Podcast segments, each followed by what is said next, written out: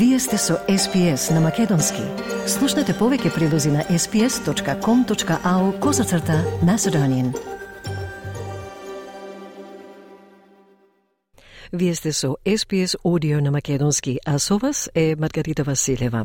Манастирското гравче доаѓа еднаш во годината, а за 2023 подготовката на гравчето за манастирот во Кинглейк е во способните раце на Даниела Кајмакоска – подпредседателка на Македонската православна општина за Мелбурн и Викторија, која во недела на 10 декември ќе го одржи големиот пикник наречен Графчето. Секретарот на општината Дејан Змејковски подетелно известува за специјалниот ден, а исто и за некои од плановите на општината да обезбеди и дополнителни услуги во овој верски храм. Вашата заедница, вашите разговори. СПС на Македонски на 10 декември 2023, значи ова недела, од почеток на 9 часот, ќе има, ќе има пикник и познато е како графчето.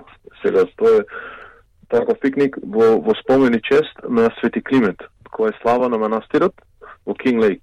И ние се собираме и се припреме графче за присутните на пикникот. Останато е како традиција и чест ние да го прославиме и да го продолжиме тоа. Да. Дали знаете колку години веќе се прославува и се одбележува овој ден? Тоа е пред моето време, али многу одамна, многу одамна. Мислам дури местото се купи Кинг Лейк 73 година да. и со автобуси се собира народот тоа таму да нешто се собират во, во спомени чест на Свети Климент и од тогаш мислам од 70-тите години е тоа останато како традиција. Да, повеќе десетици автобуси ги собираа македонците за да се сретнат сите заедно на на големиот пикник во Кинглейк. Каква е посетеноста од тие денови во споредба со денешните? Во споредба па како што кажуваат дека тогаш со со автобуси и јадници луѓе посетуваа, сега помала е бројот и сакаме пак да го вратиме тоа. Мислам имаме и организирано да настапат Royal Band, Диана Лазаревска и Новица Василевски, што и доброволно ќе ќе прават перформанс на, на денот и сакаме како да се соединиме и да да бидеме заедно на денот. Но луѓето сега располагаат со своји возила, нели? Па би можеле полесно да да доаѓаат и да го посетуваат овој специјален ден. Па да, мислам должни сме како македонците, како наш голем светител да дојдеме на денот и да се потрудиме.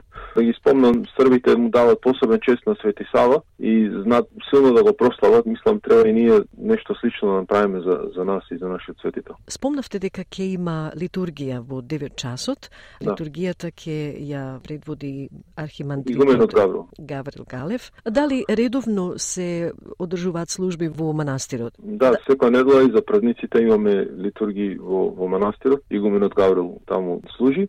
Потоа, после литургијата ќе има осветување на вода и осветување на, на графчето исто пред да се сподели. Какви други услуги се нудат низ годината кај манастирот? Кај манастирот имаме уште еден питник на 28 јануар. Тоа се вика годишен национален македонски пикник тоа е по, по друг повод, али слично слично се води така. Има уште еден Свети Климент празник исто што се води. Исто така за за големите празници стално е отворен манастирот за сите. Луѓето може да го посетат кога и сакат. Мислам во природна и во во, во во, во бавина да, да седат. Да, рековте дека луѓето можат да го посетат кога можат манастирот. Дали можат да преспијат, пример? А за преспијање нема услови, мислам сега моментално за преспивање. Да, не не не во момент, не мислам дека не сега. моментот, да.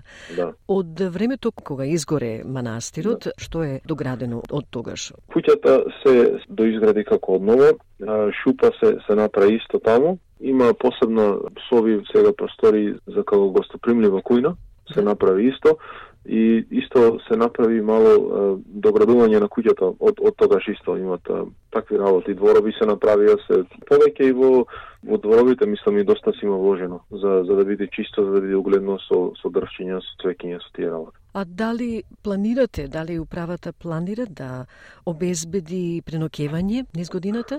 Во преноќевање имаше сега пробаме привремено со со членовите да видиме како како ќе оди сака е за дечињата мали да ги однесат и да прават кампување. Да? Да, го пробаме тоа како привремено да видите дали нештото работи со членовите првим, па после да видиме дали ќе можеме на поголемо ниво да го направиме исто.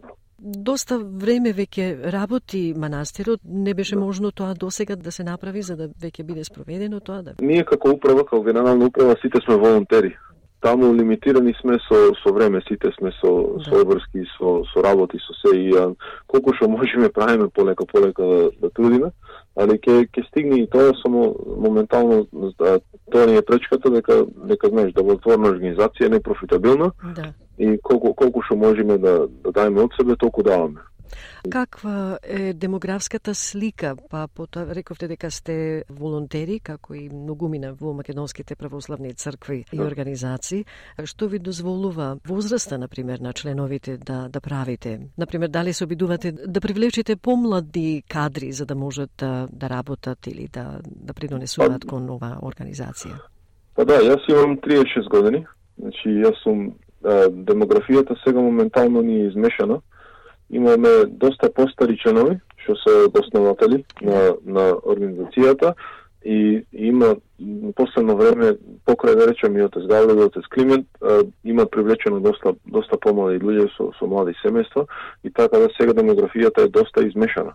Имаме и помлади со со млади дечиња, имаме и постари членови и така да функционираме дека постарите како пензионери имат повеќе време да помогнат ден до ден до црквата а, ние како помлади помагаме во позадина во административата и во, во другите работи што се во организации така си работиме посложно заедно. Со други зборови, се обидувате да ја осигурите иднината, нели, на па, општината? Па да, па да, заедно, заедно со свештениците и со, со членството, мислам, работиме, затоа се изгради и културен центар. Мислам, тоа со, со музеи, со библиотека, сакаме полека, полека да функционира и во, во, во секој аспект да може општината да стане како центар, и да привлекува македонци за да зачуваме нашата култура и идентитет. Да, колку е лесно или тешко да се привлечат нови членови? Стално е тешко, мислам западот е благ, како да кажам. Али се трудиме и имам лично искуство кога работиш и кога работиш силно луѓето го гледат тоа го познават и знаеш ке полека полека ќе ќе идат, ќе дојдат дека гледаш дека нешто позитивно пробаш да направи. Кој ја има овогодишната чест да го подготви графчето за овој no, пикник? Графчето е спремно значи од управата од подпредседателот Даниела Кајмаковска да. го спрема со со помош на, на кој што му треба од жените таму, членовите или од страна шосе Она е готви, мислам, во MCWA, помага таму во кујните и а, ги има сите сертификати за безбедно готвење и да ти кажам право и вкусно готви. Многу е бива шената. Неизино е да го направи, ние ќе помогнеме нашите да го изедеме. Да. Како да реде. Убава комбинација. Да. Господин Збејковски, ви благодарам и ви посакувам се најдобро за овогодишниот пикник. Благодарам, фала многу за мене.